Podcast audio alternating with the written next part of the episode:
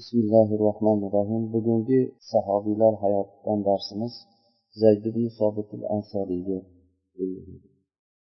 Yani Zeyd ibn Sabit'il Ansari Resulullah sallallahu aleyhi ve sellem'in tercümanlarıdan.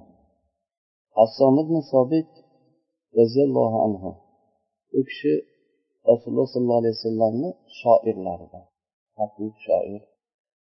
Zayd ibn Sabit Reziyallahu anhu vafat etkenlerinde şiir aytib yig'lagan ekanlarki bu hassonni o'g'lidan keyin qofiyalarga kim javob beradi? Zayd ibn sobitdan keyin ma'nolarga kim qoladi? Yana zayd ibn sobit roziyallohu anhu qabru hadihil umma deb abdulloh ibn abbos roziyallohu anhuni aytilgan bo'lsa u kishini katta ustozlari abbos roziyallohu anhuni bu ummatning katta bir e, ulamosini ustozi bo'lgan zot. Zayd ibn sobit al ansariy roziyallohu anhu. Bu kishini tarixlarini hijriy ikkinchi sanadan boshlab boshlaymiz. Ikkinchi hijriy sana edi rasululloh sollallohu alayhi vasallamning madinalari. Madina munavvara badr jangiga tayyorgarlik ko'rib nihoyatda to'lqinlanib turgan holat edi. Rasululloh sollallohu alayhi vasallam olloh yo'lida jihod qilishlik uchun rasul sollallohu alayhi vasallamni o'zlarini yetakchiliklari ostida harakatga chiqayotgan askarlarni avvalidan boshlab yana oxirgi marta yana ko'zdan kechirib qarab chiqdilar. Ollohni yerida ollohni kalmasini mustahkam qilishlik uchun chiqayotgan bu askarlarga qaradilar. Mana shu yerda saflarda hali o'n uch yoshga umrini o'n uch yoshiga yetmagan yosh bola rasululloh sollallohu alayhi vasallamga keldi. Unda ziyraklik hushyorlik shunday gurkirab turgan alangalanib turgan bir bola keldi. Uni yuzida ulug'vorlik hamiyat porlab turgan keldi. Qo'lida qilichi bor edi. Lekin qilichi uzunlikda yo bo'yi bilan barobar yoki bo'yidan uzunroq shu holatda keldi. Rasululloh sollallohu alayhi vasallamga yaqin kelib aytdiki yo rasululloh men sizga fido qilinayin dedi. Menga shu siz bilan birga bo'lishlikka va sizni bayrog'ingiz ostida ollohni dushmanlariga jang qilishlikka jihod qilishlikka ruxsat bering dedi. Rasululloh sollallohu alayhi vasallam bu bolaga nihoyatda quvonch bilan ajablanish bilan qaradilar. Va yelkasiga juda mehribonlik bilan muhabbat bilan yelkasiga urib uni ko'nglini ko'tarib keyin juda yoshi kichikligidan yoshini so'radilar. Uni qaytarib yubordilar bu bola qilichini sudrab shunday g'amgin bo'lib xafa bo'lib rasululloh sollallohu alayhi vasallam kirayotgan bu birinchi g'azotda rasul sollallohu alayhi vasallam bilan birga bo'lishlik sharafidan mahrum bo'lganligiga afsus chekib g'amgin ko'taradi. Buni orqasidan bu bolaning onasi navvor binti molik bu ham o'g'liga o'xshash o'g'lini o'g'ilchasini jihodga qabul qilinmaganligidan juda g'amgin bo'lib shunday xafa bo'lib onasi ham orqasidan qaytib ketdi. Onasi ham orzu qilgan edi. Bu bolasini erkaklar bilan birga rasululloh sollallohu alayhi vasallamni bayroqlari ostida mujohid bo'lib ketishligini ko'rishlik bilan ko'zi quvonishligini orzu qilib kelgan edi.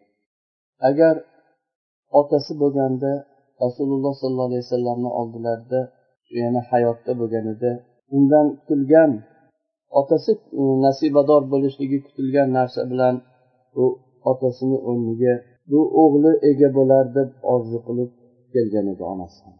Lekin ularga qaytarib yubordilar lekin bu ansoriy yosh yigitcha rasululloh sollallohu alayhi vasallam bilan yoshini kichikligi uchun bu o'rinda birga yaqin bo'lishlik bilan nasibalik bo'lmaganligiga beqaror bo'ldi. Va u tez boshqa bir yoshga aloqasi bo'lmagan o'rinni tez u o'ylab o'zini e, zakiy zakovati bilan hushyorligi bilan u topdi. Ya'ni nabiy sollallohu alayhi vasallamga uni yaqinlashtiradigan doim payg'ambar sollallohu alayhi vasallam bilan birga qiladigan o'rinni o'yladi. Bu o'rin ilmu hifz maydoni edi. Va o'zini fikrini borib onasiga zikr qildi. Onasi ham xursand bo'lib bolasiga kulib qaradi va shu orzusini hosil bo'lishligiga onasi ham qiziqdi. Va bu navvor ya'ni bu bolaning onasi qavmidan bir qancha kishilarni oldiga borib o'g'lini rag'batini xohishini ularga aytdi. Va ularga o'g'lini fikrini eslatdi. Ular rasululloh sollallohu alayhi vasallamni oldilariga borib aytdilarki ey ollohni payg'ambari bu bizning o'g'limiz zayd ibn sobit ollohni kitobidan o'n yettita sura yod olibdi. Uni xuddi sizga nozil qilingandek sahih to'g'ri adashmasdan xato qilmay o'qiydi dedi. Bundan tashqari u juda ziyrak ollohni kitobini yaxshi o'qiydi qiroatini ham chiroyli qiladi. U bu bilan sizga yaqin bo'lishlikni sizni lozim tutishlikni xohlaydi. Agar xohlasangiz o'qitib eshitib ko'ring o'zingiz deyishdi. Rasululloh sollallohu alayhi vasallam bu bola zayd ibn sobitdan yodlaganlarni ba'zisini eshitib ko'rdilar. Haqiqatdan bu bola nihoyatda ado etishligi millik nutqi ochiq dona dona qur'on kalimalari bu kishini og'zidan xuddi osmon sahifasida yulduzlar porlab turgandek shunday porlab chiqaradi. Keyin bu kishining tilovati o'zini shu tilovat qilayotgan narsasidan ta'sirlanib turganligini ko'rsatib turadi. U kishini turishlari munosabati o'zini o'qiyotgan narsasini anglab turganligini chiroyli tushunib turganligiga dalolat qiladi. Rasululloh sollallohu alayhi vasallam bundan juda xursand bo'ldilar. Chunki bu bolani rasul sollallohu alayhi vasallamga tavsif qilib sifatlaganliklaridan ham yuqori topdilar. Keyin bu bola yozishni ham yaxshi bilishligini bilgan vaqtda yana rasululloh sollallohu alayhi vasallamni quvonchlari ziyoda bo'ldi. Rasululloh sollallohu alayhi vasallam bu bolaga qarab aytdilarki ey zayd sen yahudiycha yozishni o'rgan dedilar. Men bu yahudiylarni aytyapman. Ularga aytayotgan so'zni ular yozib olyaptilaru lekin men ishonmayapman ularga aytayotganimga ularga ishonmayman dedi bo'pti yo rasululloh men o'rganaman dedi. Va shu zahoti u yahudlarni o'sha vaqtdagi abroniycha tilini o'rganishlikka qattiq berildi. Qisqa vaqt o'tmasdan bu tilni nihoyatda mohir ustasi bo'ldi. Yaxshi tilni biladigan bo'ldi. Rasululloh sollallohu alayhi vasallamga buni yozib berar edi. Agar yahudlarga xat yozishni xohlasalar yozib berardi. Agar yahudlar rasululloh sollallohu alayhi vasallamga xat yozgan bo'lsalar u o'qib berardi. Keyin suryoniy tilini o'rgandi.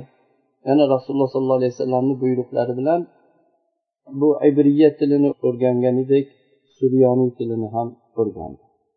Bu yosh yigit zayd ibn sobit shundan keyin rasululloh sollallohu alayhi vasallamni tarjimonlariga aylandi. Payg'ambar sallallohu alayhi vasallam zaydni bunday og'ir bosiq omonatdor ekanligiga ishonch hosil qilgandan keyin uni nihoyatda fahmini o'tkirligi diqqatiga uni osmondan yerga keladigan risolatga ya'ni omonatdor deb bildilar unga ishondilar. Va zayd ibn sobit roziyallohu anhuni ollohni vahiysini tortib o'tadi shundan keyin zayd ibn sobit vahiyni yozuvchi sahobiylardan bo'ldi. Qur'ondan birinchi rasul sollallohu alayhi vasallamga nozil bo'lsa rasululloh sollallohu alayhi vasallam zayd ibn sobitga tez odam yuborardilar. Aytardilarki ey zayd yozing derdilar zayd yozardi. Zayd ibn sobit qur'onni rasululloh sollallohu alayhi vasallamdan shu har vaqt vaqti bilan nozil bo'lgan ondayoq olardilar. Va shu qur'on oyatlari bilan ulg'ayardilar rasululloh sollallohu alayhi vasallamga nozil bo'lib turgan va biz hozir qur'onni o'rgansak sahobiylar nima degan ularni rivoyatlariga qarab nozil bo'lgan vaqtlarga holatlarga ularni tushunishlariga qarab keyin qur'onni o'rganamiz. Ya'ni ularni ahvollari holatlari shunday nozil bo'lganda shunday tushunib tadbiq qiladigan shunday holat. Zayd ibn sobit qur'onni rasululloh sollallohu alayhi vasallamdan shunday olardi. Rasululloh sollallohu alayhi vasallam nozil bo'lishlik sabablari bilan bog'lab yangi nozil bo'lgan vaqtda olardi. Va bu qur'onni hidoyati bilan u kishini nafsi ham ulug' bo'lib borardi. Aqllari bu qur'on shariati sirlari bilan nurlanib borardi bunday baxtlik bir yigit qur'onni mutaxassisi bo'lib ketishar edi. Va muhammad sollallohu alayhi vasallamni vafotlaridan keyin u kishini ummatlarini eng birinchi qur'ondagi marjasi murojaat qilinadigan manba masdar marja bo'ldi. Alloh taoloni kitobini abu bakr siddiq roziyallohu anhuni davrlarida jamlaganlarni eng boshi zayd ibn sobit bo'ldi. Usmon roziyallohu anhuning davrlarida mushafni mushafga birlashtirganlarni boshida zayd ibn sobit mana shu bizlar tilovat qilayotgan qur'onlarni birinchi yozgan jamlagan keyin usmon roziyallohu anhu davrlarida bu mushaf qilib hozirgi qur'on kitobi qilib uni jamlaganlarning eng avvalida bosh bo'lib turgan zayd ibn sobit roziyallohu anhu. Endi bu martaba albatta buning ajri mukofoti. Uning alloh taolo u kishiga beradigan ollohni in'omi ne'mati. Qiyomatgacha u kishini haqida to'xtamay har kun qiyomatgacha o'qiydigan amal qiladiganlar ajricha u zotlarga ham shunday ajr alloh taolo uni ham ko'paytirib bersinlar. Haqiqatdan ollohni shunday katta bir marhamatiga rahmatiga alloh taolo loyiq ko'rgan shunday ulug' bu o'rindan keyin unga butun insonni himmati inson intiladigan yuksaklik o'rin bormi? Bunday ulug'likdan keyin qalblar unga tama qiladigan intiladigan ulug'lik bor. Qur'onni zayd ibn sobit roziyallohu anhuga bo'lgan fazilati butun aql egalari hayron qoladigan o'rinlarda to'g'rilik yo'lini bu qur'on zayd ibn sobitga shunday yo'llantirib berdi. Har bir ish oldida zayd ibn sobit tutgan yo'lni ko'rib aqlli zotlar hayron qolardilar. Shunday bir haqqa to'g'rilikka bir topik berilgan va qur'on u kishiga shunday to'g'rilik yo'lini nurlantirib bergan zot edi. Saqifa kuni deyiladi ya'ni saqifa kuni rasululloh sollallohu alayhi vasallam vafot etganda xalifa xilofat saylangan saqifa bir yopiq joylari bor edi bani saqifa. O'sha yerga borib ozgina tortishuv bo'ldi xilofat ansorlardan bo'lishi kerak muhojir. Shuni saqifa kuni deydi. Shu saqifa kunida musulmonlar rasululloh sollallohu alayhi vasallamga xalifa kim bo'lishligi haqida ixtilof qilardilar. Muhojirlar aytardilarki rasululloh sollallohu alayhi vasallamning xalifalari bizni ichimizda bo'ladi. Biz xilofatga loyiqroqmiz dedilar ba'zi ansorlar aytardilarki balki xilofat endi bizni ichimizda bo'ladi. Biz xilofatga biz loyiqroqmiz dedi ba'zi boshqa ansonlar aytardilarki xilofat ham bizni ham sizni ichingizda bizdan ham xalifa bo'ladi sizdan ham bo'ladi. Rasululloh sollallohu alayhi vasallam sizlardan biror kishini qaysi bir ishga bosh qilsalar unga bizlardan bir kishini birga qo'yardilar. O'shanga bitta bizdan bitta sizdan bo'ladi xalifa deb aytadi. Lekin bu fitna yaqin kattalashib ketadigan darajaga borib qoldi. Allohni payg'ambari sollallohu alayhi vasallam hali oralarida dafn etilmagan o'rab qo'yilgan holatda. Ustilarini yopib qo'yilgan. Endi bu yerda qur'on hidoyati bilan shunday nurlik bo'lgan to'g'ri bir qat'iy so'z kerak edi. Bu fitnani chiqadigan bu fitnani hali chiqmay turib beshigidayoq yo'qotadigan va bu yo'lda hayron bo'lib nima qilsa ekan deb turganlar hayron bo'lib turganlarga yo'lni shunday nurlantirib beradigan qat'iy bir so'z kerak edi. Mana bu so'z qur'on nuri bilan butun haq to'g'ri yo'l u kishiga ko'ringan vahiyni kotibi zayd ibn sobit al ansoriyni og'izlaridan bu so'z chiqdi.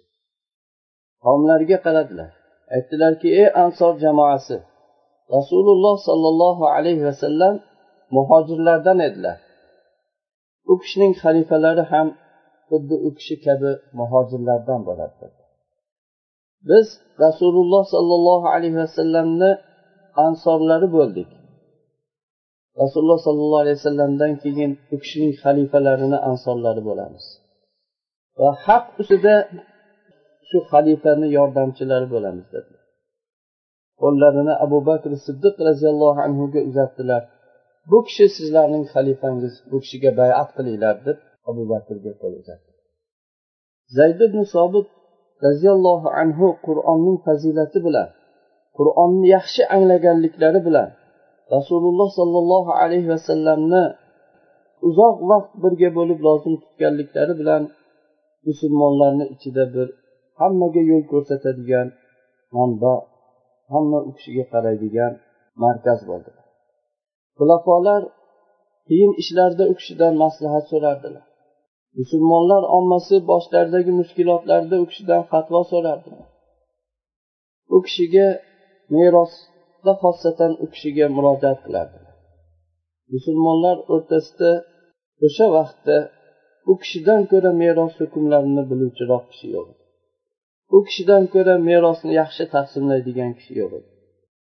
Umar roziyallohu anhu musulmonlar ichida jobiya kuni deyiladi. Yana bu jobiya kuni jobiya degani o'zi dimashqqa yaqin bo'lgan bir qishloq. Umar ibn hattob u yerga borib odamlarni u yerda sahobiylar bilan birga jamladilar. Ana bu fathlar haqida u yerda mashhur o'zlarini xutbalarni qilganlar. Shu kunni jobiya kuni deyiladi. Umar o'sha diyorga borib xutba qilganliklari uchun yavmujabiya deyiladi.